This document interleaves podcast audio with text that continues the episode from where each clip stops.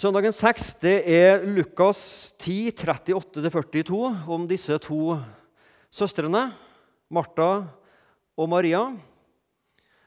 Og Før vi begynner å tenke på hvem vi, passer, hvem vi ligner mest på, så kan vi nå snakke litt med Jesus om det først. Kjære Herre Jesus Kristus. Vi takker deg for at eh, ditt ord beskriver levende, virkelige mennesker. Ikke ideelle mennesker, men mennesker av kjøtt og blod som hadde sine feil og mangler på den ene eller andre måten. Men du ville være venn med dem, Jesus, med Martha, Maria og Lasarus. Ja, det var blant din omgangskrets. Nå skal vi lese sammen om spesielt disse to søstrene. Og jeg tror her er det mye å lære Jesus. Hjelp oss å ligne på både Martha og Maria der vi trenger å ligne på dem, og ikke ligne på dem der vi ikke trenger å ligne på dem. Amen. Tre søsken Martha, Maria og Lasarus. Tre søsken, og vi møter dem tre steder i Bibelen. Vi møter dem her, altså i Lukas kapittel 10, som er denne kjente fortellinga når eh, Jesus irettesetter Martha. Vi møter dem i Johannes 11, der Jesus kommer for å vekke opp Lasarus, som eh, har vært død i fire dager. Og vi møter dem i kapittelet etterpå, altså i Johannes 12, der de feirer at Lasarus er stått opp, og Martha og søsknene inviterer til et gjestebud. Og det er på det gjestebudet Maria kommer og salver Jesus sine føtter. Det er de tre stedene vi møter Martha, Maria og Lasarus. Og Vi skal lese teksten da, slik den står i kapittel 10 hos Lukas. Mens de var på vandring, kom Jesus inn i en landsby, det er Betania. Og En kvinne ved navn Martha tok imot ham i sitt hus. Hun hadde en søster som het Maria, og hun satte seg ved Jesu føtter og lyttet til hans ord. Men, men Martha var travelt opptatt med alt som skulle stelles i stand. Hun gikk da bort til dem og sa, 'Herre, bryr du deg ikke om at min søster har latt meg bli alene med å tjene deg?' Si da til henne at hun skal hjelpe meg. Men Herren svarte og sa til henne, Martha, Martha, du gjør deg strev og uro med mange ting, men ett er nødvendig. Maria har valgt den gode del som ikke skal bli tatt fra henne. Disse to søstrene er det jo laga mange malerier opp gjennom historien. Og eh, Ved å søke på Google og bilder så skriver du Martha og Maria eller Martha and Mary på engelsk, så får du opp veldig mange bilder. Og jeg syns de var litt kjekke å se på. Her har du sånn et sånn tradisjonelt bilde, sånn man tenker seg. Jesus med litt langt hår. Det hadde han neppe, men i vår vestlige tradisjon så har vi ofte malene med det. Og Martha Maria. Der har du kanskje en litt mer moderne utgave. Eller moderne og moderne, kanskje litt mer sånn på 50-tallet i Norge. Hvis vi skal kalle det moderne. Uh, ja, Martha så litt oppgitt over uh, Maria som sitter ser litt sånn tafatt ut. Så har du kanskje en litt mer sånn eh, Der slutta den å virke. Der, ja. Trykk på den biten.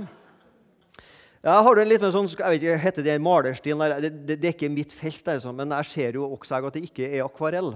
Men da stopper det liksom til meg. Litt sånn surrealistisk, kanskje. Men du ser eh, Maria der helt til høyre, og så ser du Den hellige ånd som kommer over henne. Og Jesus da med hendene over henne. Og Martha hun så litt sånn sørgmodig ut. Sånn, hodet på skakke eh, med kaffekanna. Og så Den da var jo litt stilig. Her er det noen afrikamisjonærer som våkner nå. vet du. Her har vi eh, Martha, Maria og en afrikansk Jesus ute i, ute i bushen en eller annen plass. Ja, det er laga mange bilder om dem. Hvem var Martha, og hvem var Maria? Martha hun hun var nok husets vertinne. Det står at tok Jesus, altså hun tok imot Jesus i sitt hus, sitt hjem. Sannsynligvis var hun eldst.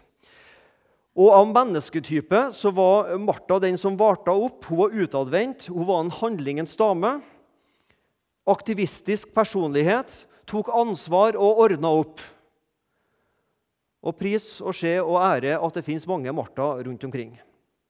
I Johannes 11 når Lasarus er syk, så var det, da de fikk høre at Jesus var på tur mot dem, så var det hun som gikk ut Maria ble sittende, Martha aktivistisk ut og møte Jesus.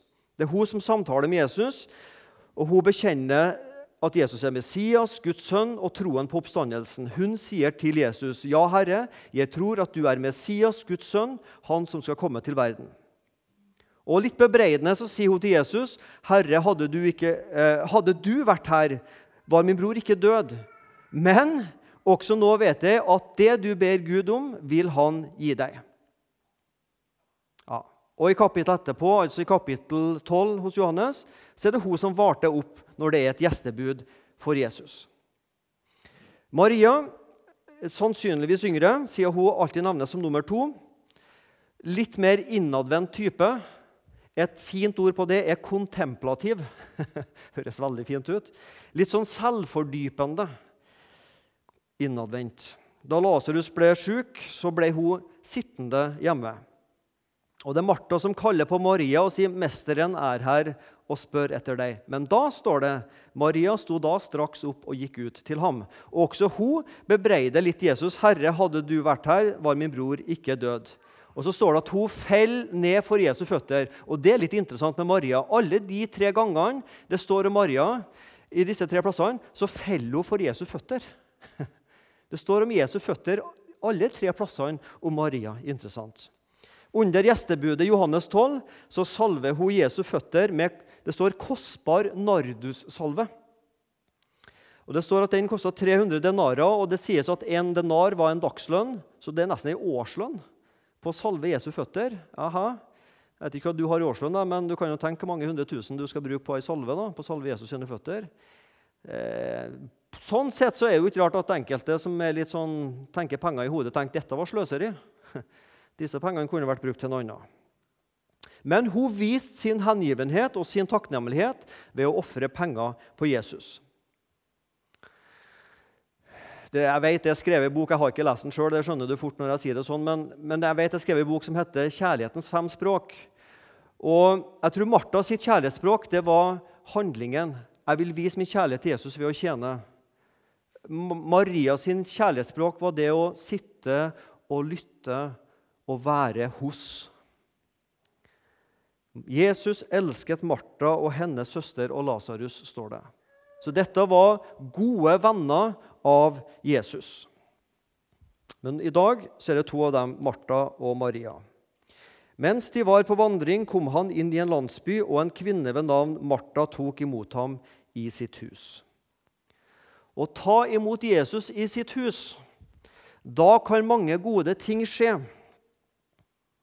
Jeg prøvde å tenke litt fort gjennom hodet, og det går fort å tenke gjennom mitt hode. Eh, plasser i Bibelen der folk tar imot Jesus i sitt hus, og det skjer gode ting. Her skjer det gode ting. Her får de lære noe. Sakkeus tok imot Jesus. Jesus inviterte seg hjem hos Sakkeus. I dag er frelse kommet til dette hus. Når Jesus kommer inn i en hjem, så kommer Jesus med frelse. Tenk på tolleren Matteus, som hadde nettopp blitt en kristen. Samler sammen tollerlauget og sier i kveld så tar vi en fest hjemme hos meg. Jesus kommer. Må komme og møte Jesus. Det kan vi lese om i Matteus kapittel 9. Og Det var der Jesus sa det er ikke de friske som trenger lege, men det er de syke som trenger lege. Jeg er ikke kommet for å kalle sjølrettferdige, men syndere til omvendelse. Tenk på Peter som tar imot Jesus i sin heim og fordi Jesus kommer hjem, så blir Peters svigermor helbreda i tillegg. Fantastisk. Synagogeforstanderen Jairus inviterer Jesus hjem. Og når Jesus kommer der, så vekker han opp Jairus' sin datter, som hadde vært død. Og Det fins mange flere eksempler i Nytestamentet. Der Jesus kommer inn i en heim, så skjer det noe godt. Å gi plass for Jesus i hjemmet ditt og mitt i hverdagen, ja, det er en utfordring. Jeg tror om vi eh, kommer godt opp i åra og begynner å få de grå hår, eller om vi er litt yngre og har barn som sprenger rundt hjemme og griner, og det er travelt, så er det en kamp for oss det å gi plass til Jesus i våre hus og våre hjem. Maria har valgt en god del. Hun tok et bevisst valg. Det å velge Bibel og velge bønn, velge det å ha en husandakt, gjerne kanskje rundt middagen, Det at vi samtaler med Jesus i våre heimer, våre ekteskap og med våre barn. Det med gjestfrihet. Glem ikke gjestfrihet, sier Bibelen. For ved den har noen hatt engler til gjester uten å vite det. Kanskje har du en gjestebok hjemme der folk skriver når de har vært på besøk. Jeg vet ikke om engler skriver når de har vært på besøk, men det kan hende noen har hatt englebesøk. Ja, Det er jo bibelsk. Det er jo ikke jeg som funnet på det. For ved den, ved gjestfriheten, har noen hatt engler til gjester uten å vite det. Tenk det. Og jeg har prøvd å tenke, Nå er jo vi i den fasen at barna begynner å flytte ut hjemmefra. Um, noen er, har vært gjennom den fasen. Kanskje noen ikke har barn hjemme. Noen har barn og skal flytte ut om noen år. Kanskje noen er enslige. Men jeg har i hvert fall tenkt sånn at når barna flytter ut, hvis vi skal holde oss med det med barn, så ønsker for jeg at de kan huske hjemmet som et sted der de lærte å bli kjent med Jesus og bli glad i Jesus. Det er iallfall et ønske jeg har. At de kan huske et hjem som var åpent og tok imot andre mennesker. Et hjem med rom for Bibel og bønn. Gode ting kan skje når vi slipper Jesus til i våre hus, i våre hjem. Martha hadde en søster som heter Maria. Hun satte seg ved Jesu føtter og lyttet til hans ord. Og sitte ved Jesu føtter. Når eh, vi skulle planlegge det møtet, her, så sendte jeg en mail til Kjersti og så foreslo jeg sanger. og Så ringte hun meg og sa ja, den hadde jeg tenkt på også. Og eh, Det er jo kjekt hvis både taleren og møtelederen tenker på samme sangen. Men jeg tror i dag så tror jeg nok de fleste rundt omkring i kirke- og bedehus-Norge tenker på denne sangen ved Jesu føtter ei stille stund, når orda kommer fra hans egen munn. Den blir sanget mange plasser i dag. Og det er vel få sanger som passer så godt til denne teksten som akkurat denne sangen. Ved Jesu føtter. Og Det å sitte ved noens føtter det er et tegn på å underordne seg og en villighet til å høre og lære. Paulus skriver at han satt ved Gamaliels føtter og lærte. Det kan vi lese om i apostelgjerningene kapittel 22. Så forteller Paulus om sitt tidligere liv at han var opplært ved Gamaliels føtter. Og som jeg sa, Maria, Alle de tre plassene vi møter Maria, både i Lukas 10, Johannes 11 og Johannes 12, så sitter hun ved Jesus sine føtter. Det var en detalj jeg ikke hadde tenkt over før jeg begynte å se på disse tekstene. Her i Lukas 10 så sitter hun ved Jesu føtter i andakt for å ta imot Guds ord. I Johannes 11 så sitter hun ved Jesu føtter i sorg over Lasarus som er død. Og i Johannes 12 så sitter hun ved Jesu føtter i takknemlighet og hengivenhet og tilbedelse for å gi Jesus sin takk over at han hadde vekket opp Lasarus. Maria finner du alltid ved Jesu føtter. Og, og Hvis du kikker i sangboka, så står jo sangene sant, alfabetisk, men så står de også etter tema. Og Der fins det en egen bolk som heter Mariaplassen. Og Der finner du ved Jesu føtter en stille stund. Sanger som handler om å sette seg ned og lytte til Guds ord. Maria hun var ved Jesus sine føtter i alle livets situasjoner. Og Her ligger det en hemmelighet. Først høre, så gjøre. Først få, så gi. Først tro, tilbe, tilhøre, så tjene. Mm -hmm. Du har hørt det før. Tro, tilhøre, tilbe og tjene. De fire t-ene. De tre første må komme først. Så kan vi tjene. Først lytte og ta imot. Så kan vi ha noe å gi. Lytte, det er å få. Tjene, det er å gi. Her må ting komme i riktig rekkefølge. Maria satte seg ved Jesu føtter og lytta, ikke til hva som helst, men hun lytta til Jesu ord, til Guds ord. Men Martha var travelt opptatt med alt som skulle stelles i stand. Hun gikk da bort til dem og sa, 'Herre, bryr du deg ikke om at min søster har latt meg bli alene med å tjene deg?' Si da til henne at hun skal hjelpe meg. En detalj som jeg heller ikke har tenkt over før, tidligere, før, litt tidligere i uka her. her altså, Er Martha irritert? Det har jeg jo vært klar over. Men hvem er det hun går med irritasjon til? Altså, Vanligvis så burde hun jo ha sagt det til Maria. Det var jo Maria hun var irritert på. Men hun henvender seg ikke til Maria, hun henvender seg til, til Jesus. Og Det er jo noe fint i det, men så tenker jeg samtidig det er jo noe feil her også. Egentlig så burde hun ha sagt det til Maria iallfall først. Det var jo Maria hun var irritert på.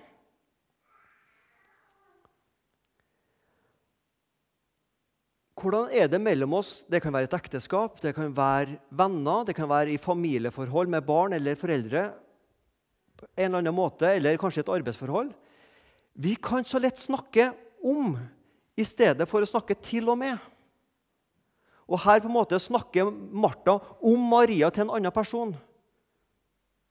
Og Da ender vi fort i baktalelse, i stedet for å gå rett på og snakke med den det gjelder. Og Det kan gjelde som jeg sier, i et ekteskap, det kan gjelde i familie, i arbeidsforhold, på mange måter. Når det blir stilt, så er det så lett at vi snakker om i stedet for å snakke til og med. Men så er det jo noe flott at hun sier det til Jesus, for Jesus har jo rettferdighetssans. Vi kan komme til Jesus med alt. Det uttrykket har du hørt i mange år. ikke sant? Vi kan få komme til Jesus med alt. Og Her kan vi også få komme til Jesus med vår irritasjon. Hvis du skal snakke med et annet menneske om noe som er vanskelig, så snakk med, om det mennesket til Jesus først. Det er også et godt råd. Be over det med Jesus først, før vi går og snakker med det vanskelige til et annet menneske. Vi kan få komme til Jesus med også vår irritasjon og det som er. Misnøye, urimelig fordeling av ansvar og oppgaver. Alt hva vi kan tenke på vi irriterer oss over.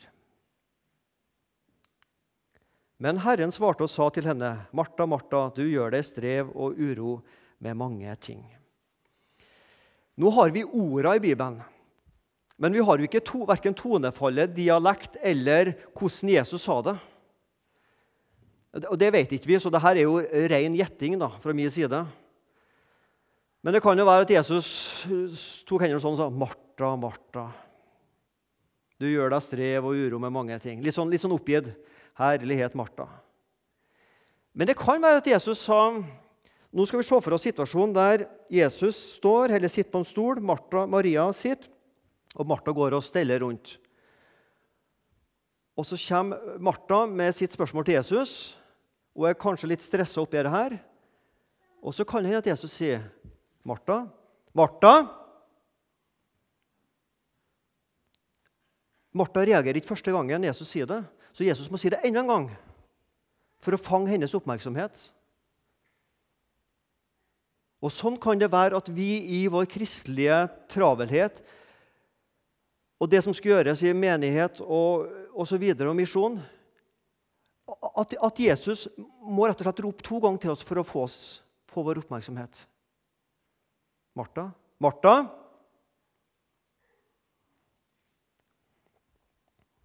Det tar tid å fange din og min oppmerksomhet, fordi hverdagens bekymringer gjør at vi ikke er helt innstilt på Guds kanal når han snakker til oss.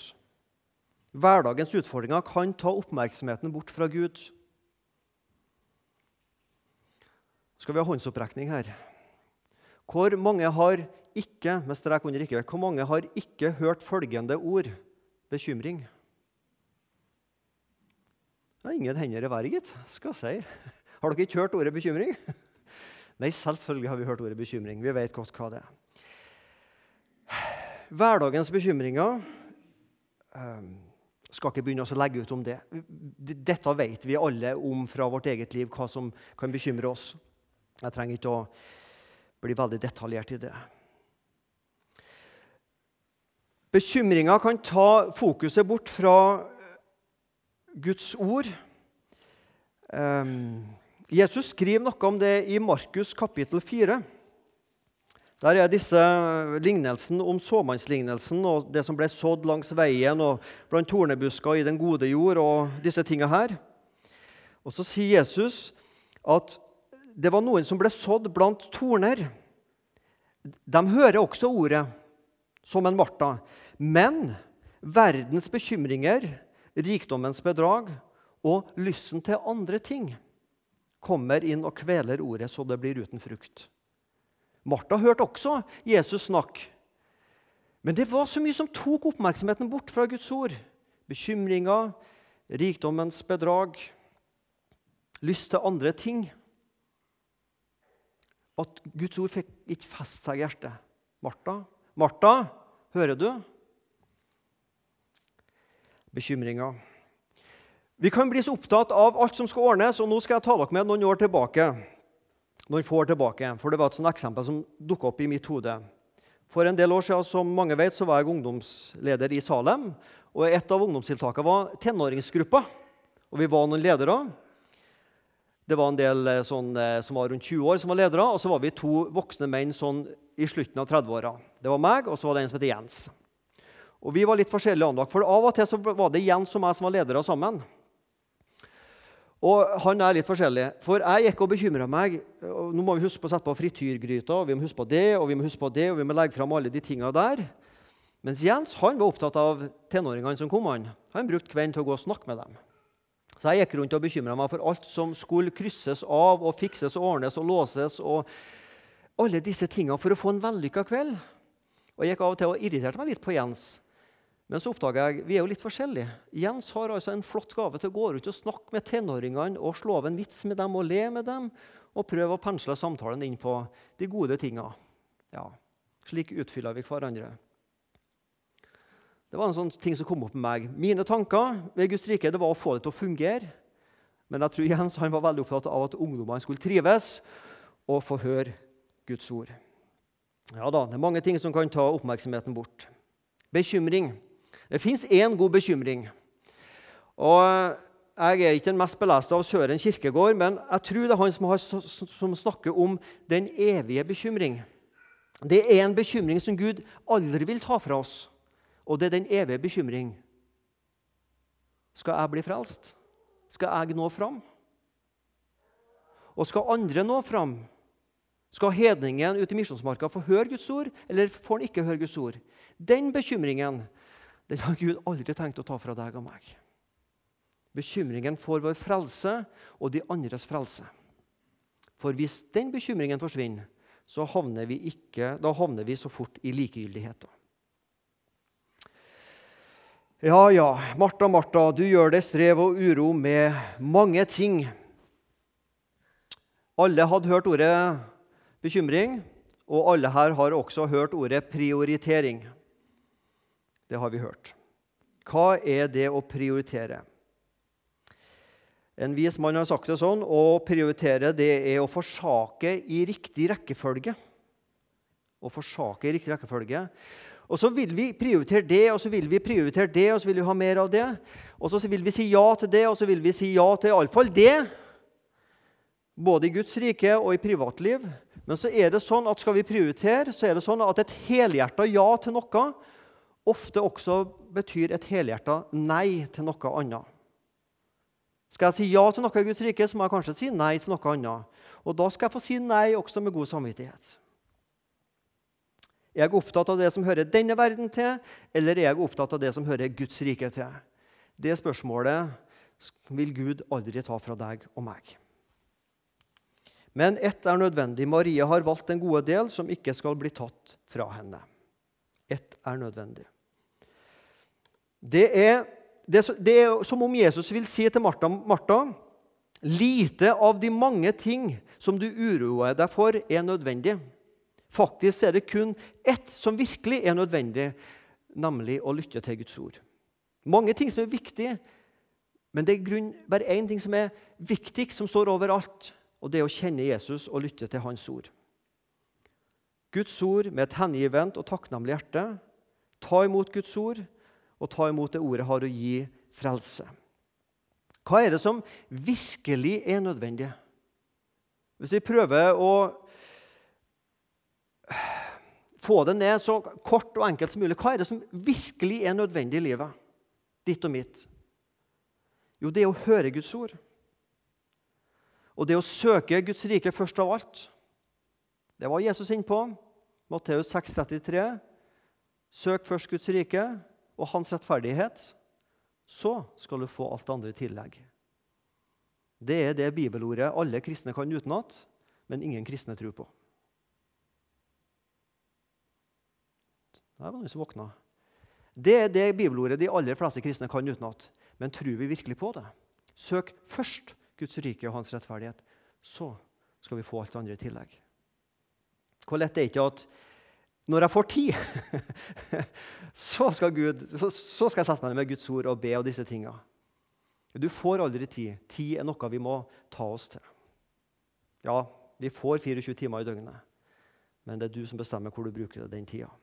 Hva er det som virker nødvendig? Det er å høre Guds ord, det er å søke Guds rike først av alt. Og det er å vinne Guds rike og evigheten, koste hva det koste vil. Det sier Jesus også noen ganske alvorlige ord om i litt tidligere kapittelet før Lukas 10, altså i Lukas 9, så sier Jesus litt om det. I vers 24-25. Den som vil berge sitt liv, skal miste det, men den som mister sitt liv for min skyld, han skal berge det. For hva gagner det et menneske om han vinner hele verden, men mister seg selv og tar skade på seg selv? Ja, hva er jeg villig til å gi avkall på for å vinne Guds rike? Når Jesus her irettesetter Martha, så tror ikke jeg at Jesus irettesetter at Maria vil tjene. Problemet til Martha er ikke at hun er en utadvendt person som vil varte opp og tjene. Problemet er at hun vil tjene uten først å lytte. Og Hvis vi i vårt kristenliv vil være med og tjene Misjonshånd, så sier iallfall jeg som forsamlingsleder hipp hurra og, og halleluja og, og alle gode ting. Men hvis vi vil bygge en forsamling på å tjene uten først å lytte, så ender vi å streve i egen kraft. Men det å ta tid til å lytte og prøve å si til oss sjøl eller si til Gud Gud, hva vil du med mitt liv? før vi begynner å tjene. Det å lytte er en flott ting. Men også å lytte uten så å tjene er heller ikke bra. For Jesus advarer også mot å høre uten å gjøre. Les Matteus 7 om å bygge huset sitt på sandgrunn. De som hørte Guds ord uten å gjøre etter det. Og Før denne fortellinga om Martha og Maria så står det om den barmhjertige samaritan. Og Der handler det jo virkelig om å tjene. For de, de, som gikk forbi, de var jo på vei til tempelet iallfall en av dem, for å høre om Gud. Men han ville ikke gjøre noe. Det var den barmhjertige samaritan som tjente og gjorde noe. Åndelig latskap. Det å ikke ville gjøre praktiske oppgaver fordi en unnskylder seg med Bibel og bønn.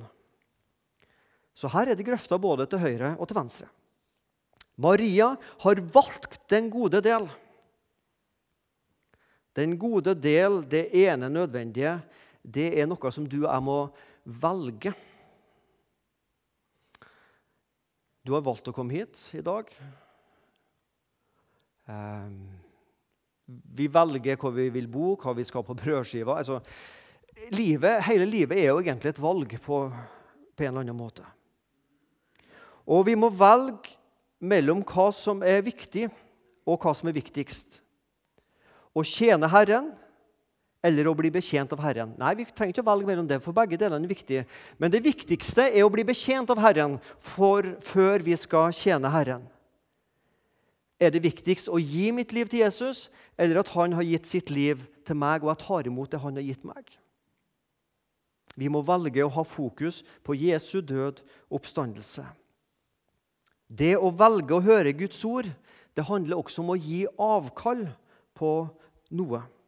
Skal vi si ja til noe, så må vi av og til si nei til noe. Og når vi går og hører Guds ord på møte, eller du leser i Bibelen, eller du setter av tid til bønn, så må vi av og til kanskje gi avkall på TV-en en stund. Kanskje måtte du gi avkall på to timers søvn, en hyttetur, et familiebesøk, en tur ut i skog og mark.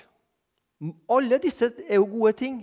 Men noe måtte du gi avkall på for å komme og høre Guds ord. Og den gode del og dette er flott, den gode del skal ikke bli tatt fra henne. For et løfte! Det du velger av den gode del, det har Jesus lovt. Det skal ikke bli tatt fra deg. Det er Jesus som har lovt det. Det ene nødvendige det skal du og jeg ikke miste. Den gode del er umistelig, og den varer evig. Så er vi der at vi sammenligner våre liv med Martha og Maria. Og så er det sånn, det vet vi, at vi, vi er ikke enten Martha eller Maria. Av og til ser vi Maria, av og til ser vi Martha. Og vi trenger både Martha og Maria. Og igjen, Jesus refser ikke Martha for at hun er engasjert i Guds rike og vil tjene. Men hun prioriterte feil. Det kom i feil rekkefølge. Og hadde Maria bare sittet ved Jesu føtter og ikke ville gjort noe i misjonssalen eller der hun, Jeg vet ikke hva det heter der hun gikk. Jeg, altså. Heter sikkert Betania. Det er jo Bedu som heter det. vet du, Betania. Så. Betania forsamling, eller hva det heter, der hun gikk. Hvis hun bare satt ved Jesu føtter, så tror jeg også Jesus ville refsa henne etter hvert. Du må komme deg opp av godstolen og gjøre noe i Guds rike. Du kan ikke bare la alle andre gjøre av praktiske oppgaver eller ting som må gjøres i Guds hus. Nei, Martha til sin tid og Maria til sin tid. Maria først. Lytte, tro, tilhøre og tilbe. Så skal vi tjene som Martha. Unn deg å sitte ved Jesu føtter. Og I dag er det det som er teksten. Og jeg, når jeg forberedte her, så tenkte jeg at bare ikke jeg snakker på en sånn måte at jeg lager et nytt liksom, lovisk krav. At folk tenker å, nå, nå, nå må jeg skjerpe meg, og nå må jeg virkelig ta meg sammen her. Og, å. Og så blir det å sette seg ned og høre Guds ord også en sånn stressmoment og sånn et tiltak som jeg må ta meg sammen på. Men det å unne seg å sette seg ned ved Jesu føtter, lese fra Guds ord og be til Han, prioritere å gå og høre Guds ord Tid til stillhet, ettertanke, refleksjon. Kontemplativ var liksom det fine ordet jeg lærte om Maria. vet du. Ha litt sånn kontemplativ tid, eller hva det heter for noe. vet ikke jeg. Nyt, for å bruke ordet 'nyt', da. Men forstå meg rett. Å nyte å være med Jesus. Ta tid til å høre om Jesus og korset. La meg få høre om Jesus, la meg få høre om korset, som heter i en sang. Tid til å beundre korset. Ved korsets fot hos Jesus, der vil jeg gjerne stå. Tid til å reflektere over hva korset kosta Jesus. Hva kosta det Jesus? Tid til å takke for korset. Og takke for takken skaper glade og takknemlige kristne. Helt til slutt, nesten helt til slutt, så skal jeg lese noen setninger fra en andakt jeg fant over denne teksten. Og Der er det en ukjent forfatter som skriver det sånn. Kanskje er det travelhet og bekymring vår tekst i hovedsak vil vende seg mot for kristne i våre dager. Det er fort gjort å glemme hovedsaken for alle bagatellene. Også i vår moderne menighetsverden kan travelhet gjøre at vi fjerner oss fra Ham som har det evige livsord. Sann gjestfrihet handler mer om å invitere enn å imponere. Var ikke det godt sagt? Gjestfrihet handler mer om å invitere enn å imponere. Mer om å gi rom til gjesten enn å varte ham opp. Om vi gir gjester oppmerksomhet, kan det være at de har noe å berike vår situasjon med. Da er det vertskapet som blir mest beriket. Vi har ulik grad av stressmestring. Om vi er flinkere til å legge problemet fra oss og over på Jesus, ville vi selv få ro til å gjøre vår jobb bedre. Det ene nødvendige i forhold til vår frelse hos Gud er ganske enkelt å finne vår plass i stillhet ved Jesu føtter og ta til oss av Hans ord. For strevsomme Martha-typer kan det være en utfordring også i dag. Det ville imidlertid være leit om denne teksten bidro til at vi bare får en ny bekymring. Når skal vi få tid til det ene nødvendige? For å unngå å havne i kristen overfladiskhet og likegyldighet skal vi si det slik. Eksempelet i teksten viser vel at det må tas tid, og at det har førsteprioritet. Lykke til med å ta tid i stillhet og ro ved Jesu føtter ei stille stund. Så kommer Guds ord, flytter inn gjennom ørene og ned i hjertet og i den kristne tanke. Herre Jesus Kristus, takk for at vi har fått møtt ditt ord og hørt om deg, Jesus, og lært om deg. Takk for at du vitner om deg sjøl og din frelse, hva det kosta deg. Takk Jesus, at det har vi gode muligheter her i Misjonssalen både til å høre og lære om. Og Jesus, la oss fordype oss i deg og ditt kors og din oppstandelse, sånn at vi, vi har fokuset der vi skal ha det, Jesus. Amen.